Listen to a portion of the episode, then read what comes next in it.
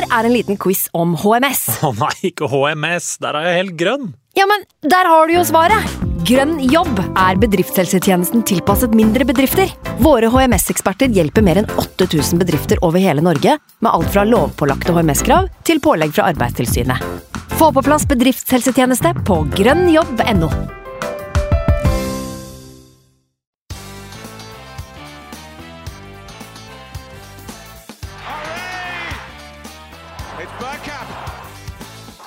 Now! The next station is Arsenal. Signe Husfreden og hjertelig velkommen til en duggfrisk og utappet episode fra Arsenal Station. Denne gangen med meg, Magnus Johansen, som vert. Simen Goffeng han har julebordhelg, så åpenbart er det gunstig for både oss og lytterne at han ikke er med. Vi ønsker vel egentlig bare god bedring der. Eh, Men fortvil ikke. Som de fleste vet, har podkasten røket på en eh, familieforøkelse. To har blitt til tre, og det er jo alltid hyggelig. Eh, Sivert Eriksen har ankommet på free transfer. Og som han selv sier, er det den beste gratisovergangen siden Mathieu Flamini. Han er med for første gang i dag i sitt nye embete som fullverdig medlem av Arsenal Station. Han har imidlertid vært med på flere episoder tidligere, så en nærmere intro av Sivert det trenger vi vel kanskje ikke i dag. For de som vil vite mer om han og higer etter Sivertstoff, så kan vi anbefale det vi har lagt ut på våre sosiale mediekanaler de siste par døgnene. Um, og Sivert han er med fra start i dag, uh, til det som vel må beskrives som en drømmedebut. For med oss fra Arsenals treningsleir i Dubai har vi med oss storfint besøk. Nei, det er ikke Miquel Arteta.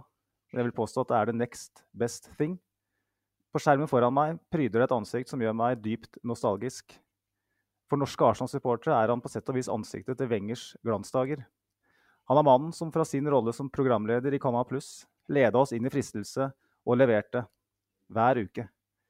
I tillegg til å være fotballkommentator, forfatter og vokalist i et velkjent Ompa-orkester, er han i tillegg en av de nordmennene med flest Arsenal-kamper live.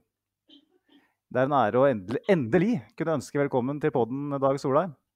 Jo, takk for det. Det var en voldsom, var en voldsom eh, intro, intro. Det var veldig, veldig hyggelig å høre at det vekker, eh, vekker gode minner. og det var, eh, det var jo en drøm, det, vet du. Tenkte deg å få lov å starte med Premier League i 2000, og så ha de fem første åra fem første åra som programleder i studio og ansvarlig for, for sendingene. Og så får vi de fem kanskje aller beste åra i Arsenals historie. Det er jo Ja, det kan ikke bli bedre enn det. Det er eh, Altså, vi som eh, sitter her og som har jobba litt i media, vi, vi er jo misunnelige på det. og Helt utrolig opplevelse må det ha vært. Og vi skal snakke litt mer om, om det etter hvert. Eh, Vi skal snakke litt om det faktum at du er i Dubai, og litt om eh, dagens Arsenal. Vi har fått en del lyttespørsmål som angår litt eh, mest dagsaktuelle. Um, før den tid, Sivert, så har vi jo et samarbeid med Arsenal Norway, som vi alltid nevner tidlig i episoden, for å få fronta dem litt. Vi har et samarbeid som har vart nå i tja, et års tid, kanskje, er det vel nå. Eh, Sivert, du har vel fulgt med i de episodene, kanskje, så noen av frynsegodene kan kanskje du nevne? Eh, Jo da, jeg har eh, full kontroll på, på de godene, for jeg har vært medlem sjøl i eh, en årrekke, og det er ingen planer om å stoppe. Så melder du deg inn i, i Arsenal Norway, så får du eh, selvfølgelig prioritet på Eller altså, du kan søke om kamper. Eh, Nå er jo selvfølgelig mm, pågangen veldig stor, da, men du kan søke om kamper. eh, Møte andre nordmenn på årlig årssjef i London, og du får The Gunners post flere ganger i året ned i postkassa di. Det er vel eh, også rabatt på fotballshop også. Eller fotball, ja, fotballbutikken. Så ja, jo da. Den kommer, til å sitte, den til å sitte etter hvert, den. Men essensen her er jo at vi må ha så mange medlemmer som mulig. For det er viktig å være foran Tottenham og, og, og klatre i Norge. 250 kroner eh, dag. eh, Ja, det er det verdt. verden det. Nei, det, det er det verdt. Det er jo en fantastisk supporterklubb. Det har jo vært eh, lagt ned et kjempearbeid der helt siden, eh, helt siden supporterklubben ble starta. Masse mennesker som har brukt eh, tusenvis av timer eh, opp gjennom åra på, på glede oss som eh, får lov å være medlem av supporterklubben til det som for oss selvfølgelig er verdens flotteste, verdens beste og verdens deiligste lag og fotballklubb. og eh, Det går egentlig ikke an å beskrive den jobben de gjør, eh, gjør for oss andre. Så de pengene der er vel verdt. Og jeg, jeg har dårlig samvittighet. Det har liksom vært et par år men oi, nå har jeg glemt å betale, betale kontingenten. Det går, det, det går, ikke an. Det, det, er ikke, det er ikke lov. Og selvfølgelig så er jeg livstidsmedlem i, i England, og det er jo også mange, mange som er. Men eh, norske supporterklubben er fantastisk, rett og, rett og slett. Så mye moro vi har hatt med dem, og så mye gleder vi får bare å få Gunners Post. Eh, bare det å få en trykksak i posten, vet du, er jo en uh, fantastisk greie i seg sjøl. For i hvert fall for meg som har levd noen år, og for, det, for, dere som er unge og for dem som er enda yngre enn dere, og som nesten aldri får se det, annet enn skolebøker. De, eh, de må jo bare glede seg over at se, her finnes det, liksom. Her finnes det. Mm. Her er det bilder, her er det artikler, her er det kjærlighet vi kan dele med hverandre. og Dele meninger og dele frustrasjoner og ikke minst glede. For det er jo sånn fotball det holder med et lag her. Det er opp- og nedturer, men nå er det bare opp. Nå er det bare opp. Ja, nå er det bare fikk, jeg fikk faktisk mail her på tirsdag om at medlemskapet mitt hadde, var på tide nærma seg å gå ut. Måtte bare rett inn og fornye, og det kan jeg melde om at tok åtte sekunder. Ja, så ikke sant? Det, det har blitt lettere. Det, jeg har gått i samme felle som Dag et par ganger. Så, for det var litt vanskeligere før, men nå er det så enkelt. Så det, og det trenger vi kanskje ikke å utrodere all verden som. Vi har en del på agendaen her. Jeg tenker først, Dag, så må vi spørre deg eh, hvordan det har seg at du har havna i Dubai på den eh, treningsleiren? Ja, det er rett og slett eh, sånn at jeg jobber for et selskap i London som heter uh, Sporting Event. Så vi har, vi har holdt på med å bare bestille mer sånn Jeg hadde gjort feil her, så jeg må passe på nok nett her òg, Jo da, et selskap i London med den tidligere, tidligere Millwall-keeperen Brian Horn. Det har jeg jobba for i mange år med ansvar da, for medieansvar for Dubai International Cup fram til 2019. Og jeg har også samme ansvaret i eh, Portugal for The Atlantic Cup, som jeg har holdt på med nå i 13 år, og som innbefatter noen av de beste lagene. Så akkurat nå har jeg bodd sammen med Brighton og Aston Villa og får gleden av å følge Arsenal litt, eh, litt nære. Eh, og det var jo en fornøyelse å se den første timen mot Lyon nå. At her har vi ikke lagt på latsiden. og her er vi en del har fått med seg resultatet. Det er jo en turnering, dette her. Eh, med mm. Lyon, Milan, Liverpool og Arsenal. og Det Lyon-laget som vi lekte med, nå, nå, er det, nå, er det, treningskamper og man stiller litt forskjellige lag og sånn, men eh, Liverpool tapte jo eh, både i kampen og i den innlagte straffekonken. Det var ved tidenes dårligste forresten, det vi har hatt mot Lyon. Det er noe av det verste jeg har sett. Men vi vant jo. Altså. Ja, så, så, og, og, det var jo artig selvfølgelig å spille mot Lacassette igjen. Han var spiss og fikk ikke gjort uh, all verdens uh, ut av seg. Men det som var deilig å se, syns jeg, mot, uh, mot Lyon, det var den derre ja, spillegleden fortsatt var der. Og så fikk vi jo mm. se en gjeng unggutter som til og med Arsenal på sine sider. Vi skal kanskje skrive litt om dem, så dere vet egentlig hvem det er dere får se på en sånn leir. Men startelveren var, var, jo fantastisk. og det, det, det, virker som, ut fra det en har hørt og, og sett, at det har vært jobba veldig godt i dette oppholdet. Og eh, vi får jo hjem de fleste spillerne våre eh, i brukbar tid òg, for å si det sånn. Og så er det selvfølgelig trist det som har skjedd med Jesus uh, i, i, i, VM, men det får, vi, det får vi bare ta. Sånn, uh, sånn, er fotballen. Men det Arsenal har gjort her nede, i hvert fall vinner om at uh, vi bare fortsetter der vi, der vi slapp, og det er jo det vi ønsker oss. Så Derfor er jeg i Dubai, for at jeg har jobba en del her. Det er, jo, det er jo selvfølgelig også et sånt land som noen har på har på lista si over land man boikotter. Men jeg gjør da, som dere skjønner, ikke det. Jeg er på jobb og koser meg med å få lov å være med, med Arsenal her nede. Men uh, jeg lurer på, Dag. Uh, har du fulgt Arsenal i pre... Eller enten du eller noen du har snakka med, fulgt Arsenal i preseason tidligere? Nei, det er jo en del nordmenn det har aldri jeg vært, men det er jo en del nordmenn som har, har reist til Østerrike opp gjennom åra. Eh, det jeg har fulgt eh, Arsenal med i sånn preseason, er jo selvfølgelig at en har sett noen treningskamper. altså En har vært på Emirates Cup og på Emirates, selvfølgelig. Man har sett dem på turné. Ja. altså Jeg har jo levd såpass lenge at uh, jeg husker jo når man kom og, og spilte treningskamper i, i Norge òg, liksom, for, for, 20 år og bakover siden.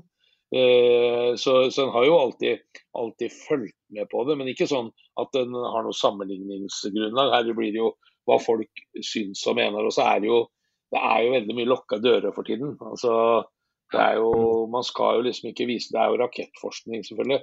Eller hjernekirurgi, eller det man driver med på fotballtreninger. Må ikke, må ikke vise bort sånne hemmeligheter er også kreft, kreftgåten eller Nei, så Fotballspillere er jo, og fotballtrenere er jo schizofrene. De tror jo at liksom, det er ingen må se det trekket, vi må gjøre alt hemmelig. Men sånn er det jo, sånn er det jo bare blitt. så Det er jo ikke sånn som det var før for oss som uh, ble supportere til London så langt tilbake som på 70-tallet, hvor man etter hvert liksom kunne, man kunne reise på treningene og se på treningene. Man kunne være i innendørshallen under klokken og se gutta trene og ta en prat med dem etterpå. Liksom det, det er jo sånn man kan, bare kan, eh, kan drømme om. Men, eh, men, i hvert fall så syns jeg det å, det, det å, se det de gjorde nå mot Lyon, med den, den, med den spillegleden og den innsatsen som var, og i tillegg så er det jo fantastisk å tenke på at det var 7500 mennesker der. Eh, og veldig mange av de ser kanskje aldri Arsenal. Altså, eh, mm. Dubai er jo Arsenals hjemland nummer to. Altså Her er jo eh, i, i, alle de åra jeg har jobba her, så har det jo vært Arsenal Football School. Det er Arsenal overalt for at det er eh, pga. Emirates-avtalen. Så er jo liksom Arsenal er Dubai sitt, eh, Dubai sitt lag. Eh, mm. akkurat som City er blitt Abu Dhabi sitt, men, ikke, men, på en helt annen måte. Vi er ikke eid av dem, men eh, de har trykka, oss til seg. Og, og, de fantastiske supporterne som var på, på stadion, eh, stadion, mot Lyon, de, de, fikk jo kanskje once in a lifetime-opplevelsen sin. Å få se Arsenal live. Og det er morsomt mm. å se så mye mennesker i Arsenal-drakter. Eh, prøve seg på litt sped synging. Det var ikke de mest bevandra i eh, kanskje i Arsenals vokabular. For at kanskje mange av dem hadde aldri kanskje sett en Arsenal-kamp før. Men for det som var Arsenal-laget deres, små barn med familiene sine, mm. eh, sammen med foreldrene sine, som er på, er på, kamp og endelig kan se at oi, der er, der er Martin Ødegaard. Han er, han mm. er rett der. Og hører også selvfølgelig noen Martin-rop fra tribunen var jo var jo også, også, gøy. Så vi skal ikke undervurdere viktigheten av det. Vi kan like og mislike hvordan fotballverdenen har utvikla seg. Eh, sånn er det bare. Og så får vi mm. se hva som, hva som skjer i framtida. Men å se hvordan Arsenal blir tatt imot her, og, og, se den gleden over å få lov å se laget sitt live, det, det, det blir varm i hjertet, vet du. Og så er det varmt der fra før. Ja, her er det ikke varmt. Her er det 15 minus akkurat nå, så jeg sitter her og hytrer. Ja, for å, for å, si det sånn, her er det jo sånn at klokka nå har passert midnatt, og det er vel 24-25 grader. Ja. Det er ikke så verst. Så, så, gutta koser seg jo med det òg, selvfølgelig. Og så ja, har det vært veldig greit. Eh, training heter det vel. Ja, ja, og det er jo greit, som jeg sa. Jeg bor jo sammen med Brighton og Aston Villa og Bournemouth her ute jeg bor. Og mm. de har jo Altså halve Premier League har jo vært her eller i Abu Dhabi, eh, Saudi-Arabia eller også noe som har vært. Men det er jo rett og slett for at det er kort vei fra Qatar. Det er samme tidssone, ja. det er samme klima. Så det er lett at spillerne slutter seg til, til klubbene sine etter hvert som man nå har blitt, uh, blitt uh, slått ut. Så nei, så det er, jeg, tror, jeg tror det er et fint, uh, fint, opphold i Arsenals andre, andre hjemland hvor, hvor, det er jo, Du kjører jo over ja, den største motorveien her eh, som går gjennom Dubai, den har 16 felt, åtte hver vei. Og det er klart at når du ser Den bruker Martin da, som eh, frontfigur. Når du ser liksom hele veibanen, så broa over motorveien, er liksom fylt av lysskilt med Martin Ødegaard og Arsenal-logo. I mm. Norge får vi jo ikke lov å ha et lite skilt ved siden av veien. Her er de 50-60-70 eh, meter, liksom og, og, Arsenal bare lyser imot deg. Herregud, det er bare å glede seg til boksing. Føler seg hjemme da? Føler deg hjemme og bare venter på at det skal bli jul. ja, Rødt og hvitt. Jeg har, uh, for Det andre spørsmålet var jo egentlig eh, hvordan havner man på den invitasjonslista der og komme seg dit, og hvor tett på er du? Og Da har du for så vidt svart på det, men du, utover det at du er på match, så ser du ikke noe til Arsenal på noe Nei, de, de, gjør ikke det. Og det er jo forskjellen. Eh, og det kjenner jeg til for at jeg har hatt mange andre lag her nede. Det er jo noen som har et veldig tett forhold til prinsen av Dubai. å får bruke hans fasiliteter. Eh, så skal ikke vi harselere med noen og si at det forholdet har ikke Aston Villa, Brighton, Bournemouth og eventuelt andre lag som er her. De trener eh, på et fantastisk Jeg har vært eh, et, senter jeg har brukt mye sjøl, og jeg har også vært mye inne på Prinsen sitt anlegg. Mm. Men der er det stengt. Ja. Det er rett og slett stengt. Og det er rett og slett for at Arsenal er sponsa av Emirates, så får de absolutt alt av det beste. Og det er mm. nesten eh, Han er ikke bevæpna, men eh, det er, eh, jeg tror det er lettere å få drikke te på Buckingham Palace enn det nesten er å komme inn på de, på de treningene. Og De trener for øvrig på eh, anlegget til prinsen, og så trener de på, eh, på anlegget til politiet i Dubai. De har en egen, egen stadion. Det. Så vidt, så vidt jeg vet, der er, der er, der er det dessverre, dessverre stengt. Så, så, det blir kampene og de rundt det. Jeg var egentlig lovt at jeg skulle komme inn på noen noe treninger, men det har vist seg litt vanskeligere enn det min gode venn i London trodde. Millwall ja. er ikke verdens største klubb heller, vet du. Ellers så har jeg jo hatt gleden av tidligere å, å jobbe litt sammen med tidligere Arsenal-spillere her nede i Dubai. Ikke av de, ikke av de mest kjente, men uh, historiene er jo like gode for det. Mm. Uh, Jimmy Carter har jeg jobba sammen med mange ganger. Han var jo i Arsenal og, og, og, i Liverpool. og Der har jo Arne Skeie den klassiske uh, replikken fra tippekampen. Altså må ikke forveksles med den amerikanske presidenten med samme navn. Dette er også fotballspilleren Jimmy Carter. Men han har jo noen eventyrlige historier fra tida si i Arsenal. Og så har jeg vært litt sammen med Jens Helly her nede. Eh, og Ian jo, var jo liksom den overraskende eh, startmann når vi vant, eh, når vi vant Europacupen i København. Hvor mm. han faktisk fikk beskjed av George Graham. Det hadde aldri skjedd før. sånn. Dagen før så fikk han beskjed du spiller i morgen. George Graham kom aldri med laget før samme dag. Men da var jo, det var litt, det var jo noen skader og noen utestengelser. Og sånn, han fikk beskjed om at han skulle spille, og spiller jo den. Og vi løfter jo løfter jo trofeet i, eh, i, parken. Så, så, det har vært noen gode, gode Arsenal-historier. Og så har jeg også vært der eh, sammen med Stefan Schwartz, som jeg har også vært mye mm. sammen med i Portugal. Som jo også mener at alle de klubbene har vært i, kanskje med unntak av i Portugal, så er Arsenal den aller, aller beste. Kan ikke sammenlignes med noe. og Det er jo en mann som har vært i, i Bundesliga, i, i La Liga, eller i Serie A og i flere andre klubber i England. Så det, så det er alltid, alltid, hyggelig. Og det blir jo, du gleder deg jo når folk skryter av, skryter av klubben vår. Selv om de noen mm. ganger kanskje smører på litt ekstra for at de vet hva en sjøl mener, liksom. Men, eh, men, sånn er det jo. Vi har jo mange Du har mange historier du, Dag, fra møte med, med Arsenal-spillere. De spillere du nevner nå, det er jo navn vi har hørt. eh, Sivert. Stefan Svarts er liksom rett før jeg begynte å følge med. Eh, sammen med Ian Selly. Jeg begynte å følge med sånn midten av 90-tallet. Husker mm. liksom Ian Wright og Tony Adams. og Husker Dennis Bergkamp eh, kom. Men før det så er det ganske mørkt. Eh, rett og slett pga. alder. ja, det er jo sånn. Det her er navn jeg bare har lest meg opp på pur interesse. Det har, det har null forhold til, det, men det syns jeg er desto morsommere å sitte og prate om. Da. Så ja, og så er det ja. Nei, det er bare det at jeg tror at det, altså, det er mange yngre på alder med meg, og til og med yngre enn det også, som hører på den poden her. Og de tror jeg også har en interesse av å høre om, om de gutta her. For det er jo, det er jo veldig matnyttig historie. Ja, så er det litt sånn at uh, altså de gutta der er jo på en måte altså, Eller den generasjonen, da, de som, de som spilte inn på 90-tallet, eh, i hvert fall. Eh, de var tilgjengelige og er tilgjengelige på en helt, helt annen måte. Det gjelder alle klubber. For det var før det ble astronomiske lønninger. Det ble lenge før du måtte sitte bak skuddsikre glass og livvakt når du flytta på deg. Det her er vanlige mennesker av kjøtt og blod som kjøre undergrunn i London og gå på pub, liksom. Det er, ja, ja. Uh, sånn er det jo. Og akkurat det du sier der, det er det som, eh, det er det som eh, liksom har vært så fantastisk med å få ha hatt den jobben som jeg har hatt. For at jeg er jo av den uh, 1971-generasjons supporter. Altså Jeg er jo eldre enn født i 71, men altså dobbeltåret 1971 mm. var jo da liksom jeg for Jeg var egentlig glad i fotball, jeg.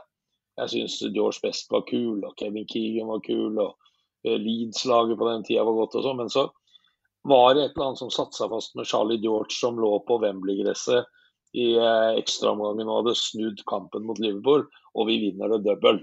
Og Charlie var jo rockestjerne. Altså Han så ut som han var et medlem av The Beatles. og var liksom, Det var jo hysteriet. Han var jo det.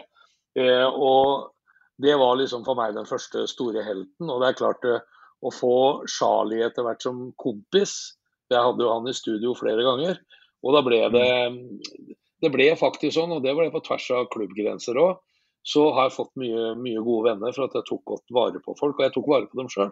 Jeg henta dem på flyplassen som oftest. Jeg kjørte dem dit. Jeg bodde sammen med dem på hotell i Oslo. Vi spiste middag sammen. Vi var, de følte seg ivaretatt. Og, Mm. og det er klart at Charlie har kommet med det største komplimentet jeg noen gang har fått. For vi hadde i supporterklubben så hadde vi en kamp, eh, Arsenal Legends mot, eh, da, den norske, mot den norske supporterklubben. Og det var en periode hvor jeg var i litt bedre form enn jeg er nå, og, en del kilo, kilo lettere. Og eh, vi, hadde et, vi hadde et veldig, veldig bra lag med med ja, Sverre Branner spilte på midten, som en del kjenner. For var jo en fantastisk spiller i Rosenborg. Eh, så, ja, det, var, det var masse gode fotballspillere. Men så kommer jeg inn og spiller annen omgang, og så sier Charlie til meg at eh, Dag sa når du løp ut på banen When you entered the pitch, you reminded me of myself. Så han synes jeg Og da sa jeg Charlie sa det er den største løgnen jeg har hørt, men det er det vakreste noen noen gang har sagt til meg. Det Så er mulig å felle en tåre på den. ja, det er det mulig å felle en tåre på. Det er selvfølgelig, Jeg ligna selvfølgelig aldri på Charlie George, men uh, bare det Har du fått, har du fått noen, til å, noen til å hekle det her og hengt på veggen Ja. Det er, det er altså rett og slett brodert, det vet du. Det har jeg over En skulle- En skulle ha gjort det. Og det er klart det er sånn eh, andre, Min neste favoritt eh, og den største Arsenal-helten, når noen spør meg om det, så, så er det Liam Brady. Og Mm. Brady er litt på samme måte. er Også en person jeg snakker ofte med og har, eh, har besøkt ofte. Både fått tilpass på trenings, eh, treningsanlegget vårt, eh, vært ute på middager. Er jo, er jo en stor, stor Arsenal-legende. Så det blir jo litt sånn når en har levd noen år, så, så er de heltene der større, selv om altså ingenting kommer opp mot en Thierry Henry eller en Vieira eller altså når vi virkelig liksom dominerte. Men de gutta der var så utrolig gode. Og det var litt surrealistisk. Når jeg var 50 år, så, så var jo Michael Thomas, eh, mannen fra Anfield i 89, var, var i bursdagen min liksom, i, i Fredrikstad. Og det var også litt sånn Får jeg gaver nå, eller kan jeg bare klype meg i armen? Det er Michael Thomas som, som sitter der. Up, up for grabs now. Sånn, eh, Men- sånn er det bare.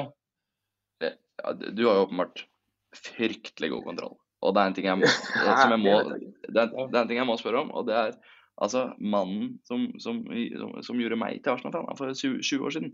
Han er eh, irsk, og han ble det selv pga. Liam Brady. Han snakker om han som liksom det største som fins, som har funnet Altså, var han så god? Ja. Han var, Altså- eh, han var altfor god for sin tid. Og det var til og med Ja. sånn at eh, Og da var det litt sånn at når Liam Brady dro til Italia, så var liksom det på en måte greit. For da var det på en måte Det var liksom Ja, han, et hakk. eh, for han tok var- til Juventus, selvfølgelig. Ja, ikke sant? Og blir jo seriemester og har jo et kjempe, Mm. er, jo, er jo en av få briter som virkelig har hatt en stor karriere i utlandet. For dem er, har det ikke vært så veldig mange av. Veldig mange har kommet fort hjem igjen og ikke helt, eh, ikke helt lykkes. eh, Og særlig ikke på den tida der. Så, så det ja, Liam Brady var, eh, var fantastisk. Og det han har gjort med akademiet til Arsenal Han var jo der med fra starten, het han eh, ga seg for ja, nå er det tre-fire år siden. Hvor han eh, ga Ja. seg. Men Hele den perioden er jo han som har, har vært hjernen bak det. Selvfølgelig sammen med andre dyktige mennesker. Men Liam Mm. Brady var, var klok både på og utafor banen. Og en elegant å, å se på. Fantastisk. Du, du, du har jo da åpenbart et, en god relasjon til store Arsenal-legender. Hvordan er det du tilnærmer deg eh, disse hva skal jeg kalle det, da, store personene? Eh, Hvordan er det du kommer på godfot med dem? Er det lov å spørre om det? Det er jo egentlig et resultat av at jeg har hatt dem i studio, og hatt dem som gjester og tatt Mm. godt vare på dem. Og så har jeg aldri, jeg har aldri brukt noen. Jeg spør aldri de om en billett eller en signert drakt eller Jeg Mm. ber ikke om noen tjenester tilbake. Det har hendt at jeg har, eh, at jeg har fått ting. Men da har det at Liam eh, Brady-hilsen min. ja, der, ja, ja det, det er litt lettere nå, for at nå er jo ikke Liam i, i Arsenal. Nei, men alvorlig snakka, jeg, jeg tror det er eh, viktig. og Jeg har jo, jeg har jo mange venner i andre klubber òg, liksom. Eh, som jeg Altså, jeg, Ron Atkinson, som jo var en legendarisk mye manager, eh, og som jo var mannen i Manchester United før sir Alex Ferguson. Eh, han sa jo til meg etter et par besøk i Norge at hvis du kommer til England og er i nærheten av Birmingham-området og ikke bor hjemme hos meg, så kommer jeg aldri til å tilgi det. Og jeg gjorde jo det en gang. da, bodde der på et hotell, og, og sa han at hva? Er du på hotell? Har jeg ikke fortalt deg hvor jeg bor? Jeg kommer og henter det. Og da kommer ikke han og henter men da kommer jo privatsjåføren hans i Mercedesen med Ron i baksetet. Altså, og det er, er litt sånn, det er samme med samme Ron. Han har jeg hatt på besøk i Fredrikstad i uke og sånn. Regnes jo for en av de største managerne i sin tid, med over 1000 kamper som manager osv. Jeg spør han ikke om billetter. Jeg spør han ikke om noen tjenester. Eh, For det er nok av dem som da liksom skal misbruke. Og det er mange som spør meg, akkurat som du gjør nå, at eh, der røk Liam Brady. Nei, men, jeg, tror det er Det var viktig. ironi, da. Men eh, Ja, jeg skjønte det. Men det må ikke være Altså, et, et vennskap må ikke være for at du skal bruke noen for å få tilpass til noe, liksom. Det er, det må jo være en befrielse, en befrielse for de, de da, som ja, eh, åpenbart eh, blir eh, nesten jaga ikke sant? rundt omkring Ja, for ja. å få, få fatt i et bilde eller en autograf eller som du sier, en signert eh, drakt. Da. Man merker jo man, man må jo beherske seg litt, ikke sant. Og Nå, nå, er, jo en, nå er det en ny tidsalder. Um, men det var, vi var jo på Arsenal Norway sitt uh, eh, årsmøte. Det var ikke årsmøte, Sivert, det var jo bare et treff på Emirates Stadium nå i mai i forbindelse med Ja, sånn supportertur, da. Leeds-matchen, ja. Og da Ja, ja, ja, dukka ja. jo Martin Ødegaard opp, vet du. ja, litt og det er sånn jo fantastisk. Det, det var jeg utrolig imponert over. Eh, men jeg, jeg hadde jo et par kalde innabords, eh, skal jeg innrømme. Eh, og jeg så han da, så da var det rett opp med telefonen og bare pløye seg vei. Jeg skal ha bilde med Martin Ødegaard, og det skal ut på, på, på Sjef på podkasten. Det, er jo- det er jo noe med at um, du må jo ha vært i gamet over såpass lang tid òg, at du har lært deg liksom, at, Ja, de, de eh, at du er litt der. roligere da, et sånt øyeblikk. Ja, det er, det er klart det, men samtidig så er det jo eh, Jeg lærte ganske mye av Øyvind Alsaker, eh, som, eh, som jeg har jobba sammen med i mange år. Han, eh, altså han Hvis han skulle be noen om noe, eh, da var jo han vant til å være i England og intervjue de fleste, da skulle det være veldig spesielt. Det hendte at vi Mm. hadde en avtale i forhold til Kanal Pluss, at uh, vi hadde noen ting til premier og sånn, som det ble spurt om. Men det var aldri snakk om at liksom han skulle ordne en signatur til seg eller noen kjente. Eller, og, det, og det skjønte jeg fort at det er sånn du må gjøre det.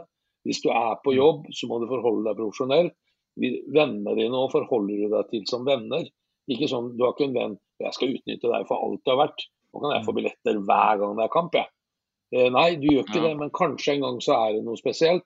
Og der fikk jeg jo tidenes største overraskelse. For eh, Øyvind Alsaker, det irriterte meg at jeg aldri fikk til sjøl når jeg begynte å reise og lage reportasjer, men han fikk jo en avtale med Tony Adams.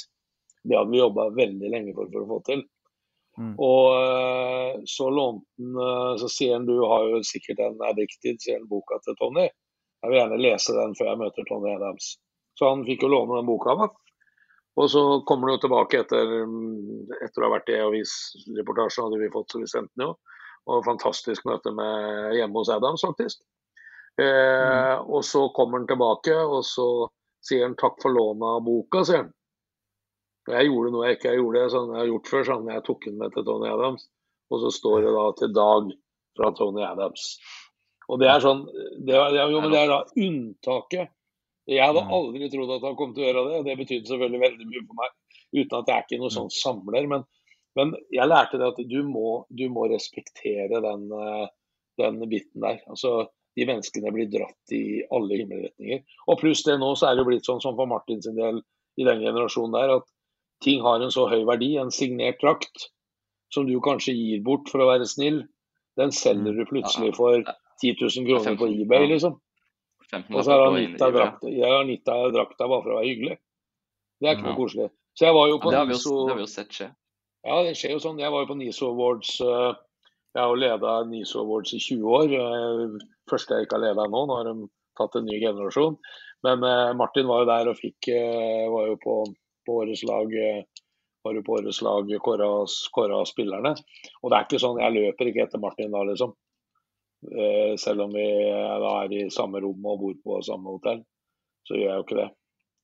Så, eh, men det er sånn, men jeg forstår jo eh, jeg forstår jo da også de, de som gjør det, men jeg tror den respekten er viktig. Har, jeg har faktisk på en eller annen merkelig måte bompa borti Martin eh, tre-fire ganger. Og jeg har faktisk bare tatt bilde med han med en Altså, det har vært et par ganger hvor jeg bare har sagt hei og behandla han vanlig og gått forbi, liksom. Ja. Uh, og det, det tror jeg faktisk er et ganske viktig aspekt i det, liksom. For de blir mas på. Det blir veldig, ja, ja, vi, og vi greier ikke å forstå det. Uh, og da kan du tenke deg Martin, og folk da ikke forstår uh, Erling Braut Haaland, liksom. Som er i en enda større liga, eh, og som kommer til å være det i mange år. Martin er jo høyt der oppe nå. Og så sier vi i Norge at de må ha tid til det og de må orke det. Det er jo ikke det det handler om. Det er et hysteri som ikke vi forstår. Martin kan ikke vise seg noe sted, han. Og Erling kan ikke gjøre det. Det er, de, lever, de er nødt til å leve et beskytta liv, eh, liv hele veien. Sånn er det bare. Men Martin er jo en fantastisk fyr. Jeg husker eh, det var når han var i Real Madrid, så jeg ga ut eh, Jeg har gitt ut noen fotballmagasiner. Det siste var et som het 433. Så ga jeg ut et sammen med VG i noen, noen år. Men i det siste magasinet så hadde, hadde vi skrevet en artikkel om Martin. Eh, og så fått han til å svare på ting. Og så var han, av alle ting, så var han på Fredrikstad stadion på en uh, reklameinnspilling. Han var hjemme og gjorde en reklamefilm, og den ble spilt inn der. Og jeg dro jo ut bare for å, for å se på den for å hilse på Martin, og så levere et par magasiner til ham. Uh, og, så, og Martin syntes jo det, det var jo tidlig i Real Madrid-tida, og så syntes jeg det var stas å bli i magasinet og syntes det er koselig. Og så sier han, og eh, Dag, kan jeg få et eksemplar? Nei. Eh, Nei, Martin Ødegaard, du må nok gå i Narvesen og kjøpe det. altså, det er typisk Så ydmyk er jo Martin. Han, liksom, han tar ikke det, han. Nei, han spør om han kan få lov. Han kommer fra et litt møblert hjem òg, for å si det på den måten. Men du merker jo det på hele fyren. Og det er jo det som har gjort den til kaptein. Det er jo det som har gjort den til lederskikkelse i Arsenal. Den der, akkurat som du sier, den der, den der ydmyke Han stiller altså opp for supporterklubben. Hvor mange er, Ja. hvor mange er som gjør det i eh, 2022, liksom? Men holder det, og, og med den, og den ydmyke inngangen til ting, holder det for å bli kaptein på Arsenal og Norge? Eller hva? Altså, du kjenner jo de gutta her eh, bedre enn meg, og på hvordan de trener, hva de sier, når de holder kjeft, når de roper. Liksom, hvorfor er han perfekte kapteinen? Liksom? Pga. rett og slett han er en perfekt menneske. Altså på og utafor banen. Eh, han tar ansvar, han viser omsorg. Han går foran i trening, går foran i kamp. Du bør ikke lure på eh, Hvis det var én Arsenal-spiller som kunne spilt to kamper etter hverandre, så er det Martin Ødegaard. Eh, han er garantert best trent. Han orker å løpe mest. Og han bryr seg om alt og alle rundt seg. Og det er akkurat de der ydmyke tinga som jeg sa, som gjør at du må ha det òg ved siden av deg. Martin er ikke den som, eh, som hever stemmen og skriker eh, i sinne til noen. Han hever stemmen. Det gjør han. Det, det, ser vi, det ser vi nå i kamp òg. Martin, Martin snakker. Ja, han er Eh, ikke redd Martin for å leder. Nei, nei. Nei. Og jeg, jeg tror den respekten man har for en sånn type spiller, er, er det som gjør han til kaptein. Jeg må, jeg må jo si at jeg, jeg så jo ikke Martin som noe kapteinsemne for noen år siden. Eh, Men, men han, har, eh, han har garantert vokst. Det en har sett han og det en har hørt, så har han vokst og bli en, eh, bli en så stor personlighet at Arteta Jeg tror ikke han blunka engang når han bestemte seg for hvem som skulle være kaptein. Det var det ingen som ble overraska over. Det var ingen som ble overraska over, over det Nei, på det tidspunktet. Eh, det Ikke når det kom- ikke når det kom nå. Og um, det, det forholdet som kalles de, de som følger det norske landslaget eh, har til Martin, er jo veldig annerledes enn sånn han fremstår i, i Arsenal. Han, det er mange som ser på han som litt som gjemmer seg litt bort og er litt passiv og sånn. Eh, Jeg kan ikke si at jeg er enig i det, men eh, du som har fulgt karrieren hans, altså, hvilke, hvilke steg han har tatt som person under Miquel Arteta òg, det er jo helt utrolig å se.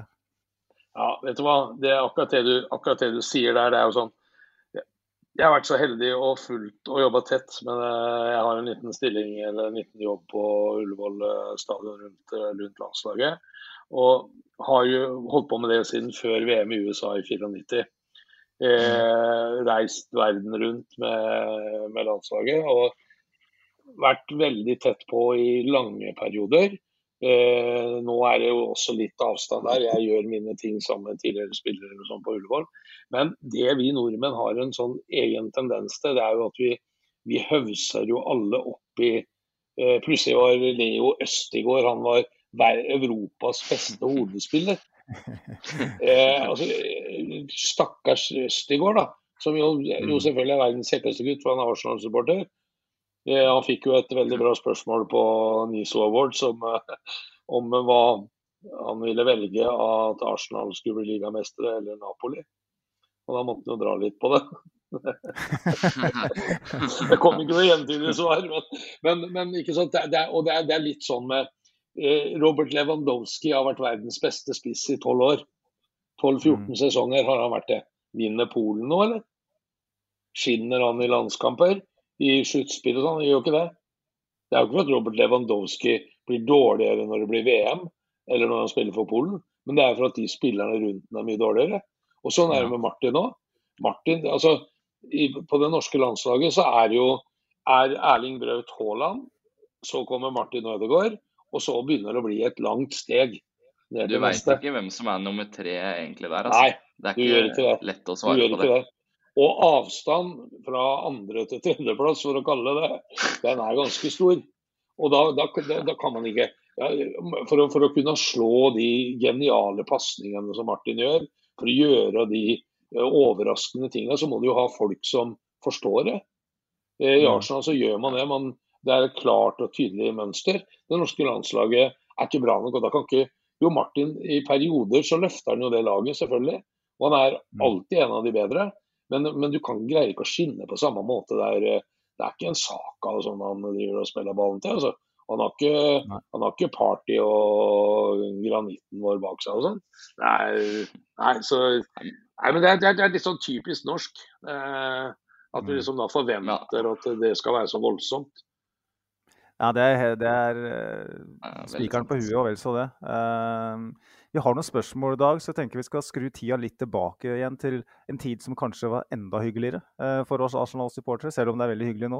Eh, Stian eh, Børling, som er en fast kommentator hos oss, han spør rett og slett om du kan komme med noen kule historier fra tida i, i Kanal Pluss. Nå har du jo nevnt noen allerede med, med Charlie George bl.a. jeg vet og husker ikke hvor jeg har hørt den, at det er en Gassa-historie. Hvis du har lyst til å ta den?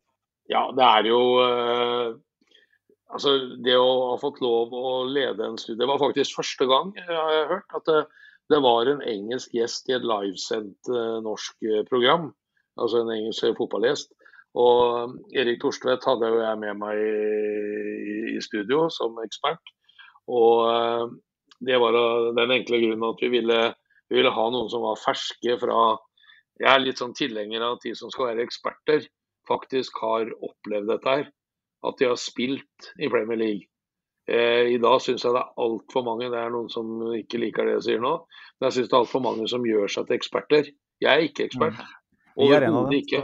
Ja, jo, jo men jeg, jeg, ser nå under, i, i VM-sendingene både i TV 2 og NRK og sånn, jeg våger å si det, at det sitter mennesker som aldri har vært i nærheten av å spille fotball på det nivået man, eh, man eh, gjør seg til ekspert for. Og, eh, og Derfor så hadde jeg med Erik Thorstvedt, som kom da omtrent rett fra England, og kunne ta dem inn i garderoben. Og kunne nesten gi deg så du kjente lukta av det å spille i Premier League. Og han fikk jo da selvfølgelig overtalt sin tidligere lagkamerat Paul Gascoigne til å ta en tur i Oslo. Da var Paul eh, Everton-spiller. Og så Det er jo en artig forhistorie til dette. for at eh, jeg hadde gjort alle avtaler. Erik hadde starta dem, og jeg hadde fullført dem. Og så kommer David McCreary, som var ansvarlig for, uh, for Paul Gascoigne den gangen. Han er bl.a. dobbel cupmester med Manchester United. En fantastisk fotballspiller fra Nord-Irland, fra Belfast. Eh, han passa på Gascoigne. og Så kommer de på flyplassen i Newcastle og skal fly til Oslo på fredag. Og det var lina opp hele fredagen. Det var God kveld Norge, det var Se og Hør, det var alt som kunne krype og gå. Skulle liksom ha en bit av Paul Gascoigne, og vi hadde lina opp alt. Og så kommer, så ringer David McCreary meg og sier en dag det er et problem her. Det, flybillettene er ikke betalt. Jeg sier, ikke betalt? Nei. Og det var fredag kveld. Jeg sier jeg, kan dere legge ut, sier jeg, for nå er reisebyrået jeg, jeg vet ikke hvordan jeg skal få gjort det nå. Kan dere bare betale, så bare refunderer vi i morgen for cash, eller ja, vi, vi ordner opp i det, David, liksom. Nei, vet du hva, sånn, det gjør vi ikke. Jeg får ikke Paul Gascoigne til å gå med på det. At han skal betale flybillettene for å fly til Norge. Nei, så fikk jeg tak i nei, så fikk jeg tak i reisebyrået, da, men det tok tid, for det var stengt. og det var og Vi booka jo billetter av dem hele tiden. Masse fram og tilbake. Og så går jo da det fly. Men så sier reisebyrået vi kan, vi kan fly et senere fly til Heathrow, overnatte der og til Oslo på lørdag. Så heter David McRae ny løsning her når flybillettene ligger klare. Flyr til London. Nei, det gjør ikke Pål, for han er ikke noe glad i å fly. Så det er mer enn nok med han å fly fra Newcastle til Oslo, om ikke han skal fly til London, og så fly fra London til Oslo. Så nå drar Pål hjem. Å, dæven, tenkte jeg, hva gjør jeg nå? Så sier jeg, så jeg som gode råd dyre, og jeg har jo en sjef i Kanal Pluss som jeg ringer til, og så sier jeg vi må få tak i et privatfly. Så ringer jeg til David McCreary, så godtar hun det. Jeg fikk sjekka ut noen priser. og sånn. Så ringer jeg til David McCreary og så sier jeg, hva hvis dere får en privat jet i morgen tidlig? Privat jetfly. Det liker Pål Gascoigne. Det kommer til å sette pris på. Så klokka to om natta så fikk jeg gjort, gjort avtale med en sånn flight, sånn flight booker fra Danmark om uh, hvordan dette skulle være, og pris og alt mulig. Og at den skulle hentes der og da, og skulle flys tilbake midnatt og før vi skulle ha en kveld på byen og sånn. Og så sier han ja, da er alt klart, sin, og det er, eh, det er full bespisning om bord, og det er fri bar. Eh, nei, så det er ikke. Det er ikke fri bar på det flyet. Jo, jo, sier han dansken, det er, det er i prisen, så det er fri bar. Altså, du må love meg én ting, så blir det ikke noe avtale. Ikke én dråpe alkohol på det flyet fra Newcastle til Oslo. For at han som er om bord, han skal ikke ha noe å drikke. Så fikk vi stoppa det, og Paul Gascoigne kom seg til Oslo og var var jo veldig fornøyd og var overnervøs. Dette var i 2002. Han hadde blitt kasta ut etter én sending, jeg tror det var, jeg husker ikke om det var ITV eller BBC, som hadde VM i Korea og Japan. For han var rett og slett ubrukelig. Og så kommer han jo i studio, og han svetta den hvite skjorta hans var klistra til kroppen. Og så begynner vi sending, og så Og uh, vi hadde ja, vi prata sånn løst, og han var ikke komfortabel, altså. Og så viser vi en video, 'Fog on the Time', som liksom er hvor han, han har sunget med en som jo er liksom den store låten i Newcastle, en sånn folkeengelsk folkerocklåt. Og kjører den og kjører noen morsomme bilder med noen flotte skåringer og litt sånn, og slapper litt av og rolig neste gang. Og så kommer et nytt, uh, nytt innslag, og under det innslaget så sier han til meg Dag, sa han, hadde du vært programleder for de engelske VM-sendingene, så hadde jeg hatt jobb på livstid. For nå er jeg så komfortabel. sånn. Og det er jo et kjempekompliment. Men da følte han seg altså så trygg, så da begynte han å snakke om alt mulig. Hvor vanskelig det var å være Gascoigne, og eh, om at han mm. ikke var snill mot kona si. og det var liksom Eh, alt mulig. Og så kommer jo, kommer jo kvelden på Aker Brygge, som jeg kunne snakka om til i morgen tidlig. Med de ene historiene etter, etter de andre om alle de villmannstinga. Men det som er interessant, alle historiene som ble fortalt eh, fra England Det kom noen fra han var i Lazio i Roma òg. Men fra England, og så kunne Gascoigne fortelle oss og si Eric, you remember you were there. Eric, you remember you were part of it. Så den treftige Erik Torstvedt, som det ikke er noen som har hatt noe, noe negativt på noe, noen gang, bortsett fra at han var Arsenal-supporter og valgte feil klubb. Altså, Det er jo den største feilen han har gjort i hele livet sitt, men det er en annen sak. Mm. Eh, han hadde vært med på mesteparten av alle de der tinga som Paul Gascoigne fant på.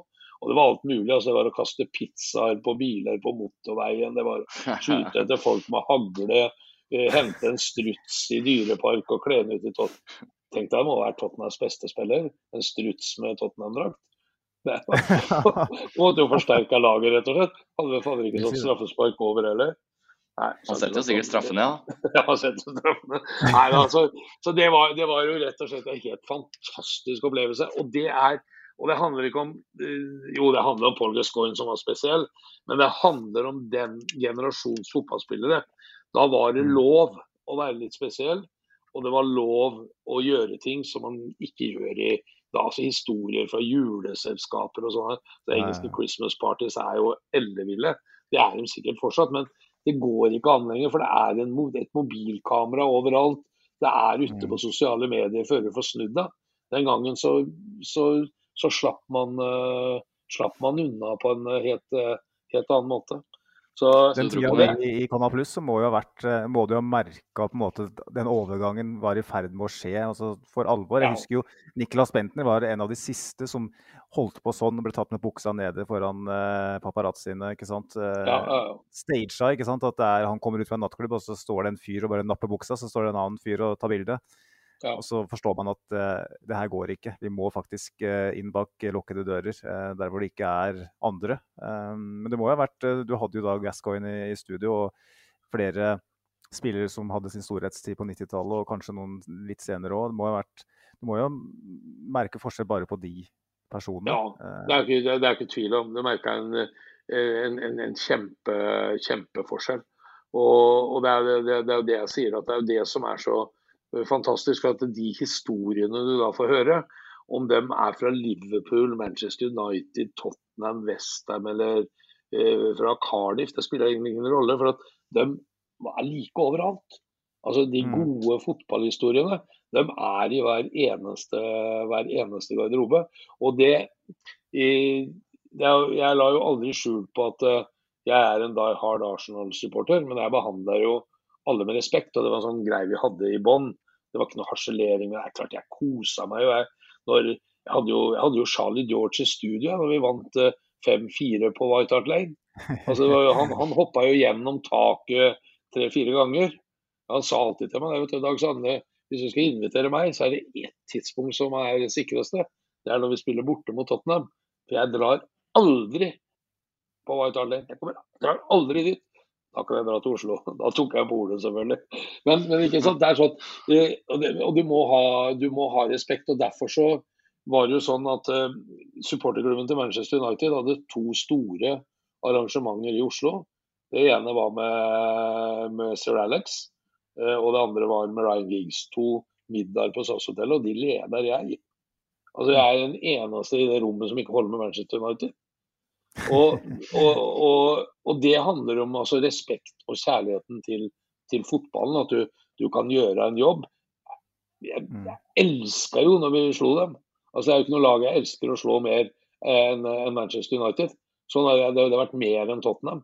Det er siden Frank Stapleton gikk, som er det verste jeg har opplevd i hele mitt liv. At Frank Stapleton kunne gå til Manchester United. Men det å ha, hvis du skal ha en sånn jobb, så må du ha respekt for supportere, respekt for dommere, respekt for spillere og respekt for klubbhistorie. Det er du, det er du helt nødt til, å, nødt til å ha.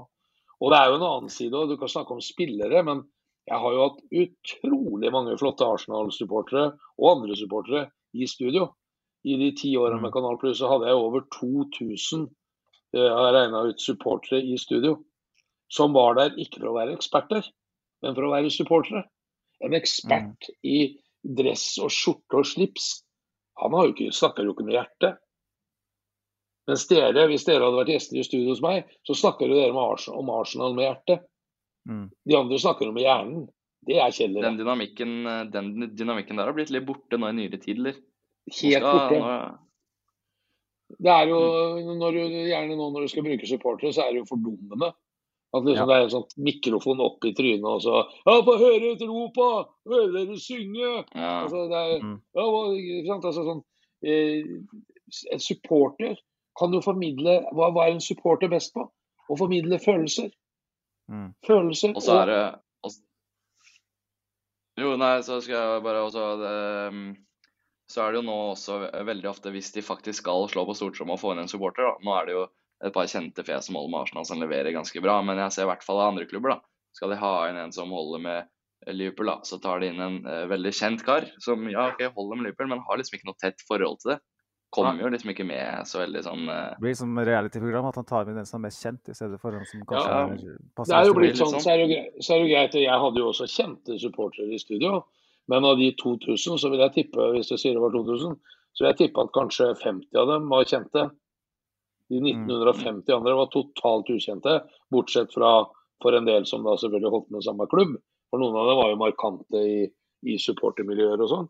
Men det er helt, helt riktig det du sier. Og det, å, og det å være kjent og holde med et lag gjør jo eh, Jeg ser mange genuine eh, supportere som er kjente. Det, Mm. det skal jeg ikke ta, ikke ta fra dem. Men, eh, men jeg syns også Jeg savner det at det ikke er plass til det som det er det viktigste i enhver fotballkamp, nemlig publikum. Mm. Vi husker fra koronatida, eller? Når vi spilte fotball uten publikum. Ja, det var jo, Vi hadde jo ikke noe annet å se på, så vi så jo på det. Men det var jo ikke morsomt.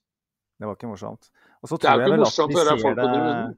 Jeg tror vi ser det òg gjennom den voldsomme veksten av podkastmediumet, av eh, TV-kanaler som drives av fans. Også det er et stort stort marked for folk som ønsker å høre på de stemmene. De som formidler, som man kan assosiere seg med i større grad da, enn en Ja, ja. fotballekspert. Eh, og vi merker jo at vi, vi skal ikke sitte her og røpe lyttertall på lufta, men vi merker jo at det er ganske mange norske Arsenal-supportere som syns det er artig å høre på oss, fordi at vi rett og slett er på samme nivå som dem. Vi, Ja. vi ser fotball fra samme perspektiv som dem. Så jeg tror vel det at selv om de ikke er i TV-studio, så er det et voldsomt marked der ute eh, for det her. Og jeg tror det gjennom sosiale medier og det vi sitter med her, så, så tror jeg det er absolutt folk får kvota si. Men skulle gjerne ha sett at vi også blir ikke vi nødvendigvis, men at, eh, at folk som oss blir eh, tatt med i det litt større bildet på, på skjermen. For det kunne vært eh, sånn som dere gjorde da i Canal Pluss. Jeg husker jo sjøl um, ei eh, norsk Arsenal-supporter som jeg kjenner, som flytta til London, som Stine, ja. Stine. Løvmo Lie. Og hun Ja. inspirerte jo meg til å gjøre det samme. Og for en fantastisk ble- historie! Jobbe, jobbe et stenkast fra White Hart Lane, liksom. Eh, I verste Tottenham-land. Som die hard Arsenal-supporter. Flytter til Mm. London. Altså, det er- jo så vakkert, så det kan ikke bli vakrere. Og det er Sånne historier inspirerte meg til å gjøre det samme. Jule gjorde Sivert har gjort akkurat det samme. Vi har bodd ett år i England hver. Jeg bodde rett ved, ved Highbury, og Sivert Ja. bodde, bodde da De bodde vel da litt lenger vest i London, men du var jo på ja, over 30 Sørvest-London, ja. Er ikke, Eh, er ikke vakkert da, gutter? Ja, det er helt var det. Det, det er et sånt Ja, år man det er det mest eh, meningsfulle, meningsløse det jeg noen gang har gjort. Fly. Jo, jo, jo, men det er eh, Nei, det er jo helt konge. Det er, det er jo det. Det er jo Så Så har det også vært å nevne at jeg syns ikke at du må flytte til London for å være Arsenal. Nei, nei, nei. Eh, Handler ikke om det. eh, Du må ikke, dra på, du må, du må ikke ha vært på kamp på Emirates engang for å være Arsenal-fan. Altså, eh, for, for, for mange så, eh, og, og for, for min generasjon så var det nesten uoppnåelig det å reise til England og gå på kamp. Nå er jo det liksom blitt litt mer eh, allemannseie. Men jeg møter jo, det er jo sikkert dere òg, supportere som sier at jeg har vært bare på én kamp, men det var veldig gøy, altså. Mm. Eller Ja. noen som sier jeg håper jeg skal kunne komme meg på kamp en gang. For det er ikke alle som tar de tusenlappene og drar på match, eh, sier til familien nå skal jeg reise eh, osv. osv. Altså, vi er jo supportere på forskjellige måter, men det som du sier om at Stine inspirerte deg, og noen inspirerer oss, og dere inspirerer igjen for at dere forteller deres historie. Ja, jeg var, der, jeg var der jo så tidlig, selv så nylig som forrige sesong, og jeg har allerede fått meldinga, i hvert fall ja, tre-fire stykker som sier jeg vurderer å gjøre det samme, eller sønnen min vurderer å gjøre det samme, kan det komme litt Ja. innspill, litt tips? Eh, Det er jo- det det er jo fantastisk. er kult. Det er jo det. Det er kult. Det er, eh, det er kjempe, kjempekult. Så, jo Ja, fortsett du, Dag.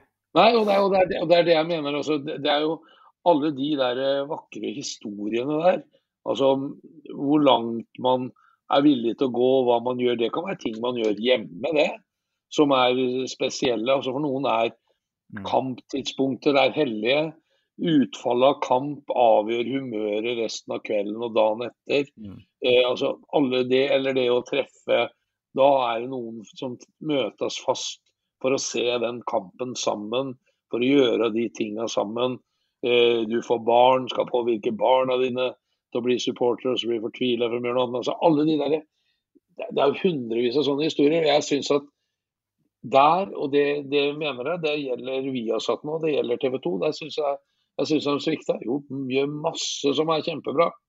Uh, absolutt. Men la oss få lov å komme inn på innsiden av de som har hjerte for, uh, for klubb og lag. Og ikke bare skal være påtatt eksperter og sier at der burde man spilt eh, høyre istedenfor å gå sjøl, eller der burde du skutt i det andre hjørnet. Ja vel. Skal, eh, det skal sies da at TV 2 faktisk var og lagde et innslag om meg og Thomas, da, som jeg bodde i London med. Eh, Ja, ja, ja. 20, 2011 var det vel. Ja, og de, har, de gjorde Eh, veldig mye bra. Det ikke det jeg mente. Men det Altså. er, jo, det, er jo litt, det er jo litt poenget, da. At det hadde jo ikke skjedd i dag. Nei, det hadde Nei, det var ingen som var og snakka med deg. Det var det ikke, Sivert. Ingen, Nei, ingen, snakka med meg, for eksempel. Ikke at Nei, det er vel kanskje forståelig. Ja, jeg lirer av meg så mye rart. Det det blir jo ikke noe TV av det. Nei, det blir dårlig TV. Nei, det, du- det du sier, Sivert, blir ikke nødvendigvis eh, brodert hengt på veggen. Eh, Nei, så vi ser i det- det det podkasthistorien. Det vil si, det Dag har, fått beskjed om av store stjerner det, Jeg vet ikke hvor mange hekletepper du har på veggen, eh, Dag, men eh, det er Nei, Gascoigne men- og jeg, skal, jeg skal legge ut, jeg skal legge ut noen bilder av, bilder av det. Du hekler sjøl. Hekler sjøl, vet du. Eh, vi har noen spørsmål til, eh, Dag. Jeg tenkte Ja. vi prøver å få med noen av dem, så vi inkluderer dem litt her. Eh, det er jo det vi snakker litt om òg. Om. Ja. Fleskspurven eh, Klingende navnet Fleskspurven, vil jeg si. Han er ikke Tottenham-supporter. Eh, I så fall er det, en, eh, et, er det satire. Han, eh, han spør rett og slett om hva gleder deg mest?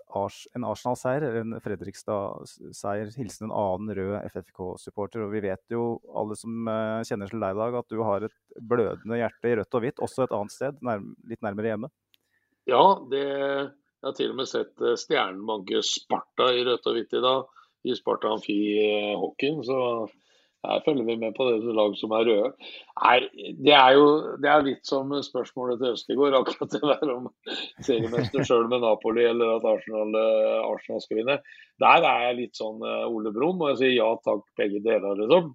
Men det er klart at det som er nært, da, eh, det som jeg tar på hver dag, for det gjør jeg i hjembyen min, så tar jeg på følelsene jeg tar på Fredrikstad fotballklubb hver eneste dag. Så det er klart at det betyr jo, det betyr jo veldig, veldig mye. Men, eh, men jeg, jeg må si det at det å få, ha fått oppleve det man har fått oppleve med Arsenal, og nå drømme om å oppleve det igjen, det er utrolig stort. Altså. Så jeg, jeg vil si til han der eh, spurven at, at, tenk om eh, både han og jeg i 2023 kan oppleve at Arsenal løfter Premier League-trofeen og FFK rykker opp til eh, Eliteserien eh, i Norge. Da er 2023 et magisk år, rett og slett. Rett og Da er slett. lov da, da er det lov å finne fram noe brut, eller? Det er lov å finne fram alt mulig rart. Men er det, var det litt sånn politikersvar? Jeg syns den sitter, jeg. Jeg syns den, den er helt, helt grei. Eh, Jeg er så heldig at jeg kun har Arsenal, så jeg, jeg klarer ikke helt å relatere til det. Men eh, jeg syns det er veldig greit svart. Eh, Vi har eh, en del spørsmål som handler litt mer om ja, Vi kan ta ett forresten fra, som er litt mer groggy for min del. Fra Frank Bergli på Twitter. Ja! Frank fra. Selbakk, vet du. Han ser jeg det. Bor jo på Vestlandet, men Han er iallfall inne og hører litt på oss av og til, og det setter vi pris på. Han, eh, spør, eh, han vil spørre om finaletapet på Bislett i Norway Cup eh, mot svensk motstander. Så står det Frøse i, parentes. Hva, mener han her, eh, Dag? Ja, er, jeg, der, der har jeg verdens vakreste historie. For at i, i 1974 så spilte jeg Norway Cup-finale med Selbakk. Jeg hadde et fantastisk, eh, fantastisk godt, eh, godt lag. Eh, og taper for uh, da Frøse. Jeg har vært inne og googla dem her for et par år siden. og da viser det at Frøse er i Østersund. Det er en øy midt i sjøen der. Ganske stort eh, idrettslag i Østersund. Og da sto det det om han eh, det var en, han, var, han var klubben. Han hadde da gått bort et par år tidligere, så sto, fant jeg på nett, så sto det Og da hadde blitt minna om igjen da når, under begravelsen at hans største dag var når laget hans vant Norway Cup og han fikk løpe æresrunde på Bislett. Og Da tenkte jeg det var sikkert en mening at vi skulle tape. Men jeg har en annen historie rundt det som er helt fantastisk. Jeg spilte sammen med en uh, som heter Lars Petter Hauge, som uh, gikk til Fredrikstad etter hvert og fikk noen kamper der. Han, uh, faren hans, Alf Hauge, han, jeg er metodist. og han Alf han levde til han ble 96 år eller noe sånt. Og hver gang jeg møtte han Alf, jeg er i kirken innimellom òg, og da så jeg skåra nemlig et mål. Jeg kan ikke huske det målet sjøl engang. Og jeg husker, jeg husker bare at vi var helt sikre på at det var skåring, og så ble det annullert for offside. Og han hadde en sånn tendens, han Alf, at stemmen sprakk. Så selv inntil han døde for to år siden, bare noen uker før han døde, så sa han til meg Det var aldri offside, det målet ditt! Det sto en svenske på stolpen! Og da tenkte jeg liksom Ja! Og det er 46 år siden, eller? Da snakker vi oppegående fyr. Men da snakker du liksom om da snakker du litt om hva, hva fotball betyr for noe, og hvordan ting kan leve evig. Der var skåring i VM-finalen i 66, liksom. Var Dag Solheim offside på, på, på Bislett i 74? Det kan man, jo spørre seg om. Ja, da, sa Frank lurte på det. Han er nemlig misunnelig. for han og Vi var nemlig to sånne generasjoner med Sedbakk-lag som vant veldig mye. Men de vant eh, De spilte aldri finale i Norway Cup. Det er bare bronsemedalje. Frank, du har bare en bronsemedalje fra 72. Og det er en dårlig historie der òg, for at eh, eh, i 1972 så tok laget mitt bronse som smågutt. I 74 tok vi sølv som guttelag. Og da hadde vi bestemt oss i 76 så skulle vi ta gull som juniorlag. Eneste året de ikke har arrangert Norway Cup. Da skulle vi over på sånn toårssyklus, og det fant de ut etter å ha holdt opp ett år at det skulle de ikke fortsette med. Det, så ble det hvert år. Jeg har tatt den for Frode Kyvåg nå når du skylder meg en gullmedalje. ja, man glemmer ikke når det er noe som betyr noe. Det... Fotball glemmer du ikke, vet du. og du, du, er vel, eh, antar jeg, bortimot et vandrende leksikon når det gjelder Arsenal òg. Du er jo Vi snakka jo om meg og Sivert og Stine som du var inne på, som har ofra mye for, for, å komme oss til England og se fotball. Men det er vel få i Norge som har flere Arsenal-kamper live enn deg, stemmer ikke det, Dag? Jeg har sett det. Ja, det er noe, det er noe, jeg er ikke noe flink til å føre statistikk. da. Så det var en periode jeg, jeg gjorde det fram til et visst punkt, så jeg har ikke oversikt sjøl. Det finnes jo noen som har sett ekstremt mye kamper. Mm. Og ja, det er helt utrolig. Jeg, jeg traff sportsdirektøren i Aston Villa her i forgårs. Han er dansk, også, som jeg kjenner fra før. og så fortalte de hadde med seg en supporter nå hit til Dubai. Mm. Han har sett alle, absolutt alle Aston Villa-kamper siden 1983. Inklusive, trening, inklusive treningskamper. Og det Ja, finnes jo noen sånne Arsenal-supportere, og det finnes jo noen nordmenn som jo har reist til Australia, som er på sommertrening. Men det er klart at uh, jeg har nok uh, Ja, jeg har nok sett et sted mellom 400 og 500 kamper, i hvert fall. Og, og sett dem i ganske mange land nå. Og, Mm. og fått med meg veldig mye. Jeg, jeg, jeg har sett mye, men, eh, men det er nok dem som har langt flere kamper enn meg. Men jeg er nok høyt oppe på lista. Det er, det er et vilt tall. Jeg skal ikke, og Eh, jeg skal ikke stoppe. Nei, det må du ikke finne på å gjøre. Eh, og da er det interessant å spørre deg. altså eh, Når du reiser til London, da, hvordan eh, er det noe, på en måte noe fast eh, program da, eller har du noen ritualer? Hvordan, er det du, hvordan, er det, hvordan reiser Dag Solheim til London og ser Arsenal? Jeg vet hva, Det er alle mulige tenkelige ting. Det, nei, nå er det faktisk sånn at nå har vi brukt opp uh, Nå har vi brukt opp ei uke til, gitt. På denne eh. Nei, vet du hva, som jeg sa, så er det på alle mulige måter. Altså, jeg har jo vært så heldig å være der på jobb, selvfølgelig. eh, I Kanal Pluss-sammenheng. Jeg har vært der med firmaer som fotballgjest. eh, mange forskjellige settinger. Og Mm. jeg er jo der så ofte jeg kan som eh, supporter. Og da er det alt mulig fra å ha club level-billetter til eh, å ha de dårligste billettene på, på stadion. Det er alt sånn, eh, alt sånn ettersom. Men det som er det morsomste, vi har en gjeng eh, Halvard Thoresen er en god kompis av meg, og han er jo die hard Arsenal-supporter. Og vi starta vel eh, ja, det er 14-15 år siden nå. Så starta vi med en sånn høsttur i Champions League. Eh, litt opp mot jul.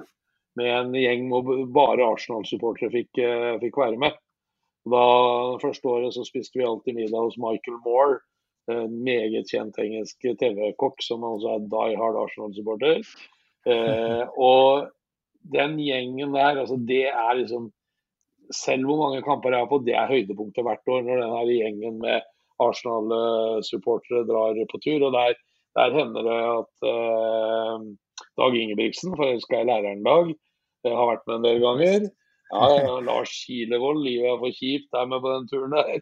Og en del andre ja, fantastiske gutter. Og da er det bare Arsenal. Og da er det quiz på Highbury Barn. Vi har en eh, gammel fotballkompis av Halvard fra Larvik som eh, blir god og full under den quizen. Man kan nemlig bestikkes.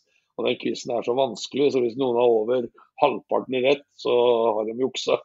Men da er vi sånn, det er, det er, så nerdete Arsenal-quiz eh, at det er fantastisk morsomt. Så det er fast. Da er det, lunsj på Highbury Barn. Veldig lang lunsj. Og så er det selvfølgelig en liten tur innom Gunners, eller det, det kan være en av de andre, andre pubene òg. Så, og så er det, er det å ha det gøy på, på Emirates. Og det har vi gjort siden eh, ja, vi har gjort det siden Highbury, faktisk. Så det er jo lenger enn det jeg sa. Eh, Men nok om det. Eh, Det er liksom det er da, da er jeg mitt ess. Det er den beste turen av alle. Bare Arsenal-gutter. Å, Herlig. Herlig. Man blir jo gjerne en gjeng, og Ja. det, de man tidligere har opplevd store ting med, det er jo, gir jo ekstra å reise med dem. Eh, Ja, altså Ha det som en tradisjon, liksom. At det, da skal du på tur. Og det er nesten sånn Du skal ha veldig god grunn for ikke å være med da. Altså hvis du melder forfall, så er det ikke sikkert du blir invitert neste år. Ja, Du snakka om de der eh, som da Som du nevnte så i forbindelse med den praten med han eh, sportsdirektøren i Villa, at, at folk som da ikke har gått glipp av en eneste match eller treningsmatch i løpet av så mange år altså, Hvor mange brylluper og begravelser har du skippa, liksom? Det, det er så hard prioritering at det er vanskelig å altså. forstå. Altså. Ja. For at jeg, jeg hjemme her så blir jeg liksom Jeg er den som reiser tidligere fra bursdagsselskap og sånn for, for å se kamp, og da ser folk nesten litt sånn skruende på meg. Ja, ja. Tenk om det hadde vært han fyren som sa han ikke dukka opp i begravelse. Det må jo være Jeg møtte, møtte faktisk en fyr på pub i London i fjor eh, som eh, kom i prat med henne. Altså, jeg syns det er jævlig gøy å sitte og prate med folk som eh, har fulgt det mye lenger enn meg og mer aktivt enn meg. Og så spurte jeg ja, er du, du er på alt, da? Jo, jo, jeg er på alt. Og så stoppa han litt, da. Ja, jeg mista faktisk Stoke hjemme for tre år siden fordi faren min gikk bort. Så. Og så sa jeg sånn, ja, men det må man respektere. Og så sitter kompisen hans på andre sida av bordet, da. Uh, vipper litt på ølen sin. Sier han. You fucking part-timer. Det er jo vakkert. Det var en eh, Det er, det er en, eh, en Arsenal-support, han er død nå dessverre, fra, fra Fredrikstad som het Kåre Martinsen. Eh, Sønnen hans, Nils Martinsen, lagde tidenes første supporterklubb.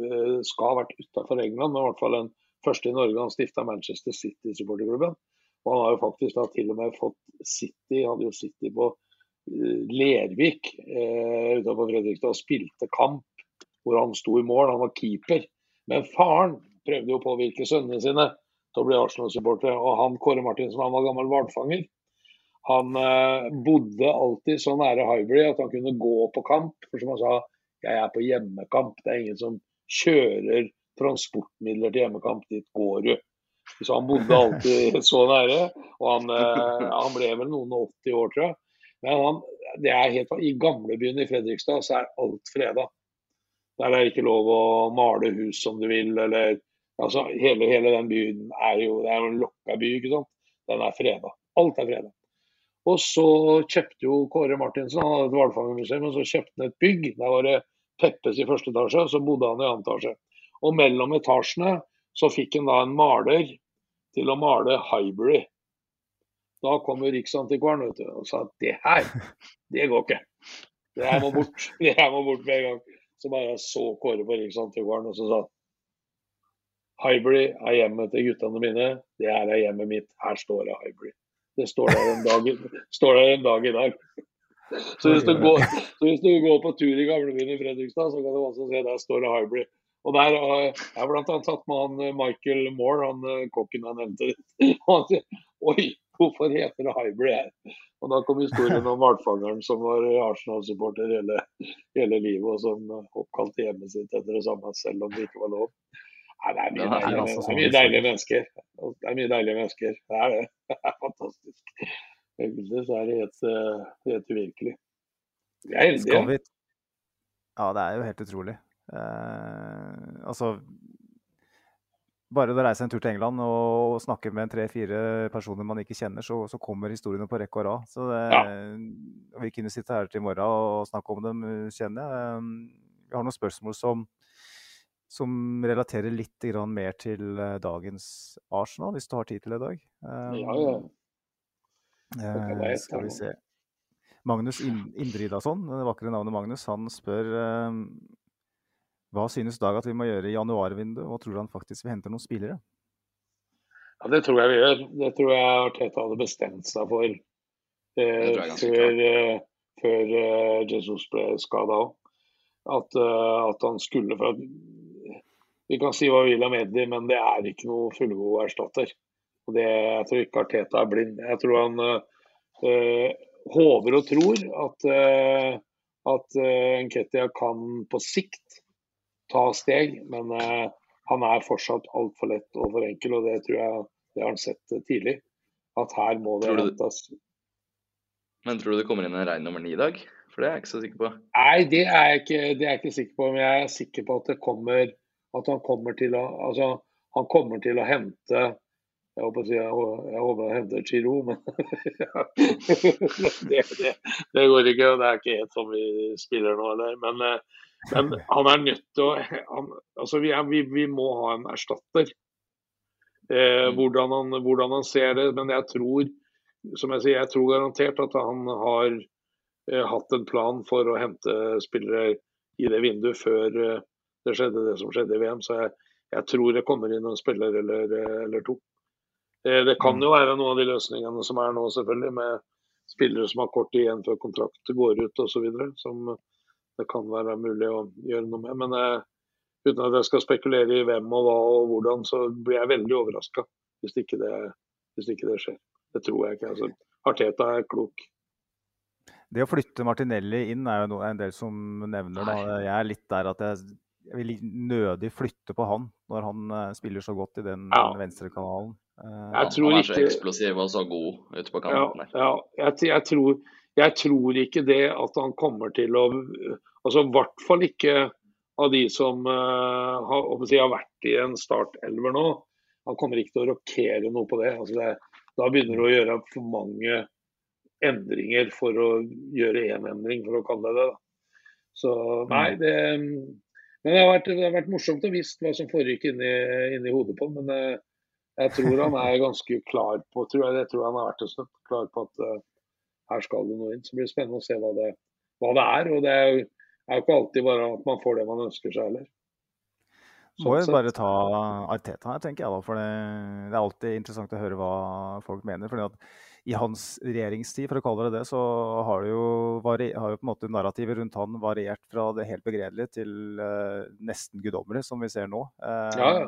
Jeg, hørte, jeg hørte vel noen uttalelser fra deg i dag for ganske lenge tilbake, hvor du på et tidspunkt hvor Arsenal slett sa at her må vi stå last og brast ved, ved Mikkel Arteta. Uh, vil berømme deg for det. Jeg har for så vidt vært der sjøl. Jeg er veldig fan, har vært fan av han egentlig helt siden han ga intervjuer som spiller for Arsenal. Skjønte at han fyren her, han, han har noe å fare med. Ikke nødvendigvis manager, men man merker at han har, han har en aura rundt seg. Uh, Ja. Han blir respektert uh, av alle kolleger. Uh, Uttalelser fra Pep Guardiola, fra Pochettino. ikke sant? Man skjønner at, at han er ikke en hvem som helst. Men eh, hva, hva, hva tenker sånn, dine tanker rundt uh, Ariteta i dag? Er det, um, har du sittet og venta på at det skal slå ut i full blomst? Har det vært, uh, stått last og brast hele veien? Nei, det har jeg ikke. Eh, Det er helt riktig at jeg, at jeg sa det, men jeg hadde også en periode hvor jeg tenkte at mm, kanskje ikke dette her går. Mm. At nok er nok, liksom. At nå vi, vi kan ikke holde på. Men så har vi, har vi diskutert det mye. ja, Men hvem skal overta, liksom? Og så tror vi at det kommer inn en eller annen da, og så er det quick fix. Og så er man, eh, er man der oppe igjen med en gang. Det ser vi jo. Vi ser nok av lag som, eh, som prøver på det. Så, eh, men jeg må innrømme at når vi var på det, det dårligste, så tenkte jeg at nei, sorry Arteta, men det, det går nok ikke allikevel. Du var kanskje ikke den vi trodde. Så jeg er veldig glad for at de har gjort det. og for, for meg så ligner det jo litt sånn på hvordan det var med Manchester United og sir Alex Ferguson før han ble sir. Eh, han hang jo også veldig en tynn tråd uten å lykkes med en gang.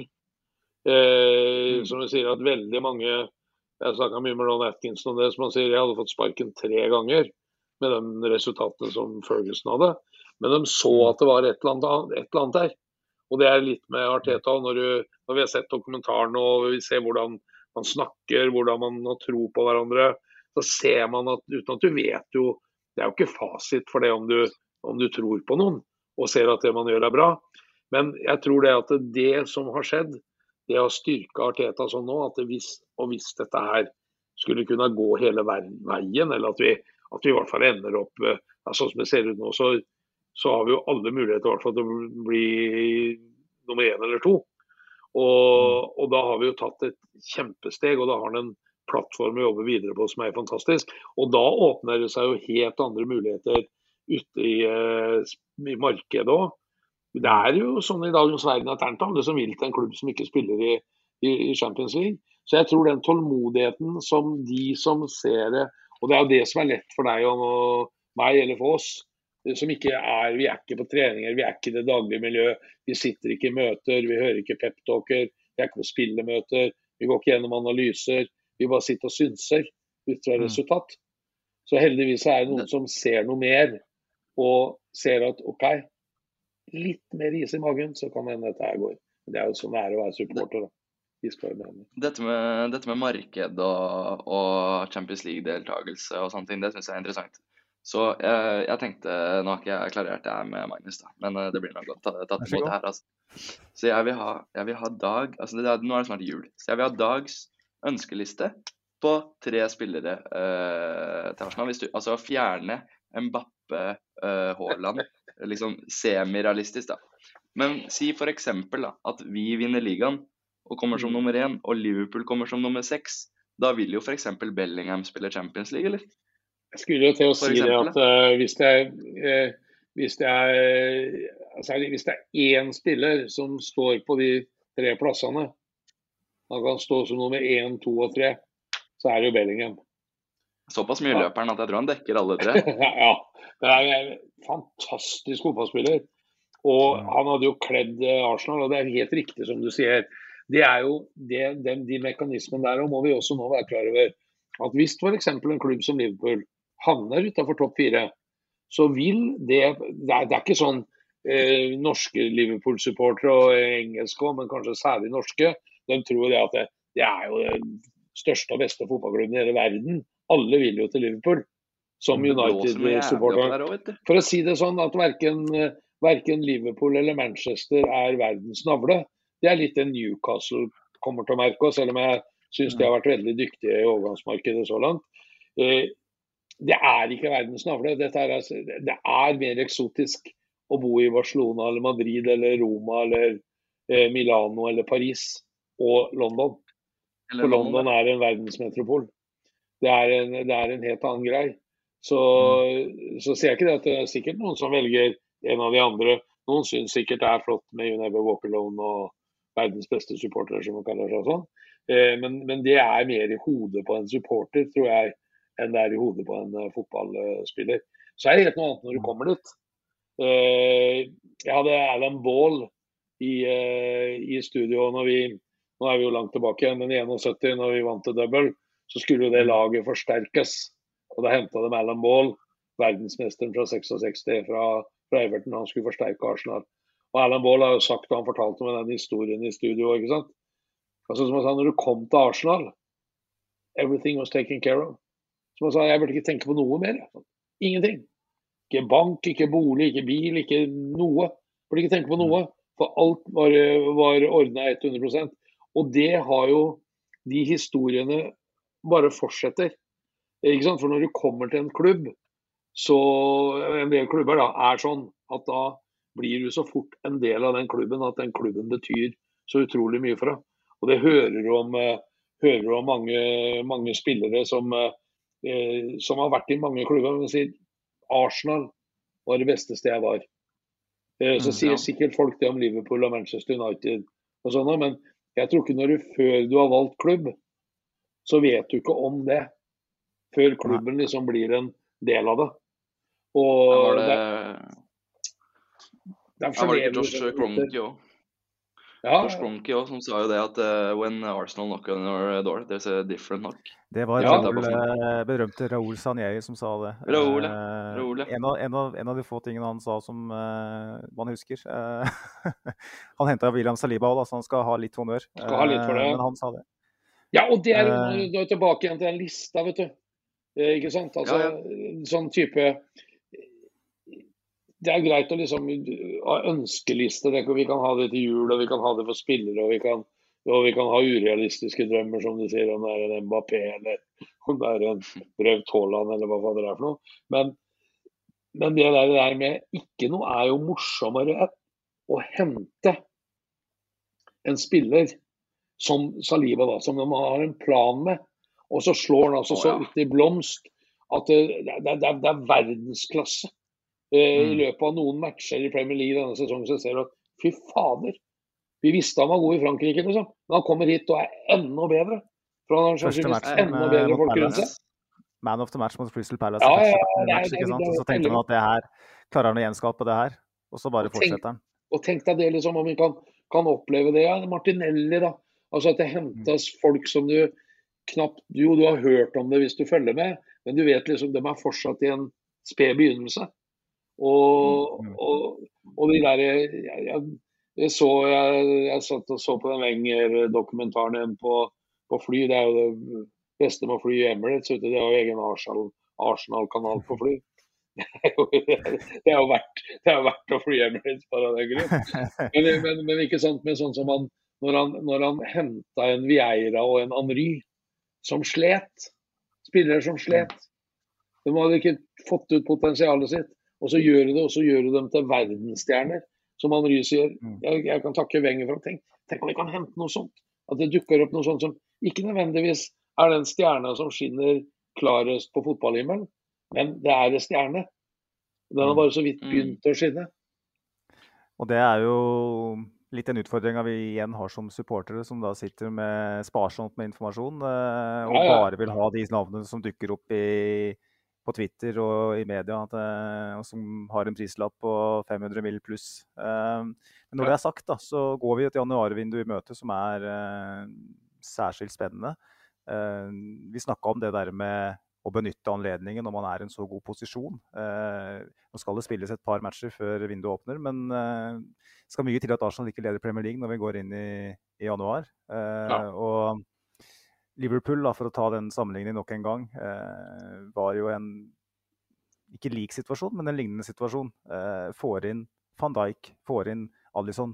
Kanskje beste stopperen og beste keeperen eh, de siste par, tre, fire årene i verden. Det, det Ja. finnes argumenter for å, for å si det.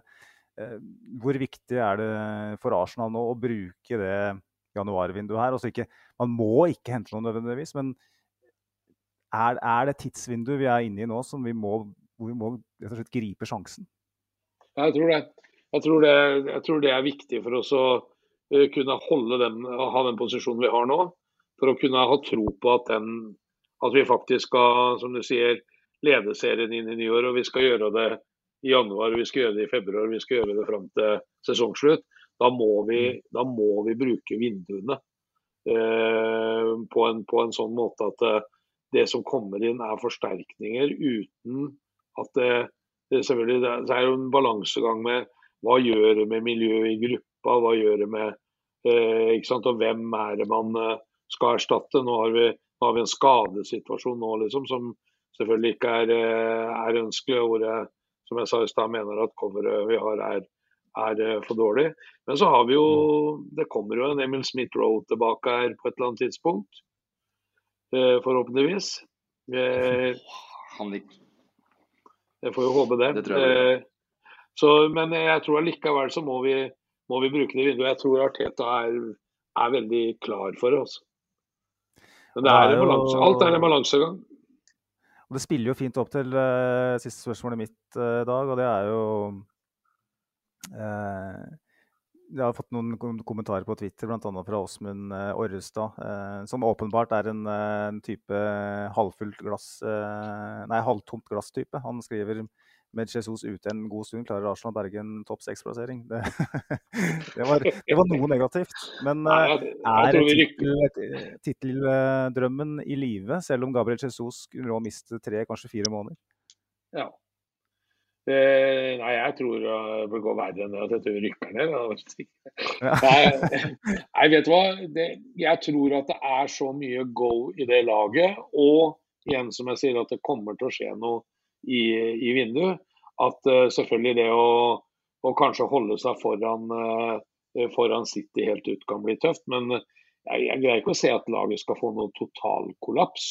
Uh, nå er jo det med Jesus er jo Vi har jo ikke fått de måla vi trodde vi skulle få til starten på sesongen. Og jeg må innrømme selv at jeg trodde han kom til å skåre oftere. Men han legger jo ned en fantastisk arbeidsinnsats. Og det er klart at eh, jeg går jo ut fra at Wenger, nei Wenger, han skal ikke blande inn Arteta har tenkt eh, altså hva som skjer hvis de forskjellige Si den drømmeelveren han eh, har hatt nå, da. Det har sikkert vært hans drømmeelver. Hva mm. skjer når en av de må byttes ut? Er han jeg må bytte med, god nok? Eh, og Jeg tror ikke han har sittet og liksom tenkt at er det finnes jo noe jeg ikke kan erstatte her, liksom, som er helt umulig. Det kan ikke være sånn. Så, så jeg tror jeg tror i hvert fall vi kan være ganske rolige på at, uh, at vi havner i topp fire og er i Champions League igjen. Og jeg tror vi fortsatt har lov til å håpe på at vi skal uh, være med og slåss om en ligatittel, liga helt inn. Men det avhenger litt av, litt av hva som skjer i, skjer i vinduet. Men men at Arsenal kommer til å rakne, tror jeg ikke noe på. Det er jo flotte ord å, å avslutte med, tenker jeg, Sivert. Uh, jeg vet ikke om jeg skal uh, initiere et nytt hekleteppe, men jeg må si det har vært usedvanlig hyggelig å snakke med deg i dag. Det har vært, Takk i like måte, gutter. Historier fra, fra Canaplus-tida og enger tilbake enn det, og ikke minst i dag. Vi rakk ikke å snakke om uh, din rolle som vokalist i et Ompa-orkester. I Ronald, Ronald Schnippelgrubers Tyrolerkapelle? Det sliter jeg med å si. Jeg må... ikke sant? Jeg skal ja, lære meg det til neste gang. Ja, ti, ti, fulle hus på Youngstorget i oktober. Det er hjertelig velkommen neste år. Og det er alltid, alltid noen som sier Arsenal er best, roper jeg fra salen. Ta en Arsenal-sang. Det, det, blir nok, det blir nok meg, det, i oktober neste år. ja, det blir jeg. Så det er hjertelig velkommen dit, eh, hjertelig velkommen dit alle, alle, sammen. Og nå er klokka snart to her i Dubai, så da da tenker jeg vi kan uh, gi deg muligheten til å hvile litt i dag. Uh, så kanskje vi kommer tilbake med en episode etter uh, det som skjer på Youngstorget. Så kan vi snakke litt om det òg. Det kan vi gjøre, vet du. Det er bare hyggelig. Fortsett den gode jobben, gutter. Og takk for praten. Hjertelig takk i like måte. Og tusen takk for at du var med.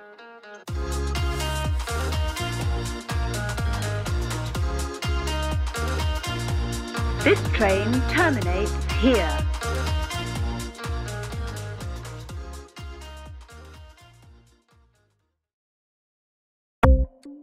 Ukens annonsør er HelloFresh. HelloFresh er verdens ledende matkasseleverandør og kan være redningen i en travel hverdag. Mange av oss har nok vandret i butikken både sultne og uten en plan for middagen, som ender med at vi går for de samme kjedelige rettene gang på gang. Middag burde være dagens høydepunkt, Som Hello Fresh kan du nå velge mellom 25 ulike retter hver eneste uke, eller få Hello Fresh til å sette sammen menyen for deg. Dette gir deg muligheten til å prøve nye og spennende retter alene eller sammen med familien. Du velger antall porsjoner og får alt levert på døren på et tidspunkt som passer for deg. Oppskriftene er enkle, og maten er lett å lage både for store og for små. Ved å få alt levert hjem får du også mer tid til å dele matgleden med familie og venner. Kanskje det frister med asiatiske tacos eller greskinspirert kylling? Da kan jeg anbefale deg om å gå inn på hellofresh.no.